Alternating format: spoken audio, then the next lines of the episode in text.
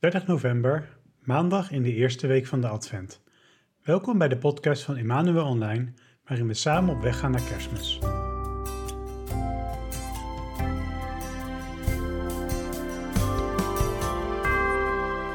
Vandaag willen we nog een dag stilstaan bij het allereerste begin, bij de schepping.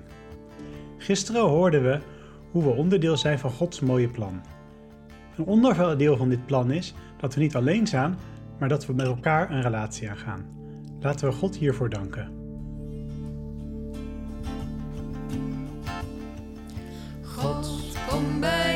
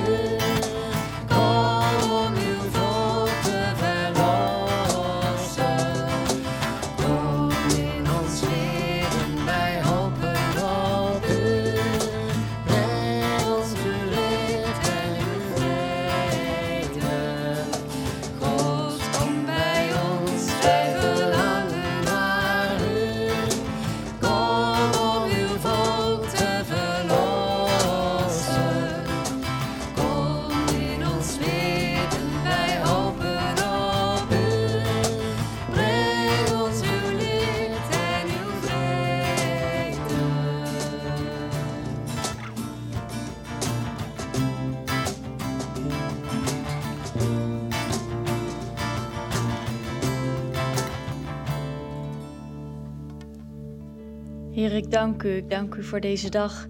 Ik dank u dat u er altijd voor ons bent. Dank u dat u bij mij bent, ook als ik het niet altijd voel. Ik dank u dat u gekomen bent met kerstmis als een klein kind. Dank u wel, Heer, dat u eh, zo klein geworden, geworden bent voor ons. Dank u wel dat u ons hoop geeft. Dank u wel dat u altijd bij ons bent.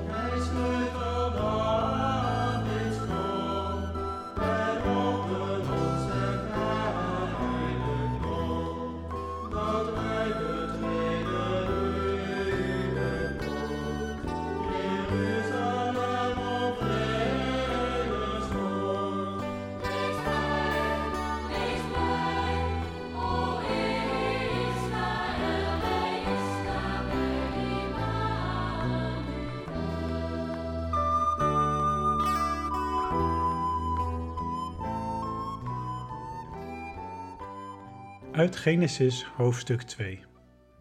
God de Heer dacht: Het is niet goed dat de mens alleen is. Ik zal een helper voor hem maken die bij hem past. Toen liet God de Heer de mens in een diepe slaap vallen. En terwijl de mens sliep, nam hij een van zijn ribben weg. Hij vulde die plaats weer met vlees. Uit de rib die hij bij de mens had weggenomen, bouwde God de Heer een vrouw en hij bracht haar bij de mens. Toen riep de mens uit: Eindelijk, een gelijk aan mij, mijn gebeente, mijn eigen vlees. Wanneer we lezen in het scheppingsverhaal staat er eigenlijk elke keer en God zag dat het goed was. En hier staat dan misschien niet en God zag dat het niet goed was, maar eigenlijk wel een beetje. God heeft Adam geschapen. Het werk van het scheppen van een mens is voltooid. Hij is perfect, geschapen in liefde naar Gods beeld en gelijkenis. Maar toch mist er iets. En dus laat hij Adam in een diepe slaap vallen en werkt dan aan die helper, die ene die echt bij hem past, letterlijk voor hem is gemaakt. En zo zijn ze dan, Adam en Eva, volmaakt gelukkig, goed geschapen, en God komt bij hen. Stel je dat eens voor.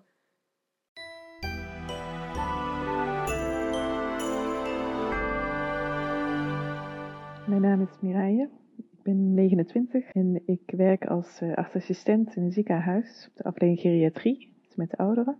En uh, ik ben ook op weg om mijn leven toe te wijden aan God in een celibaat in de, gemeenschap Emmanuel. En ik woon uh, in Amsterdam samen met twee andere zusters.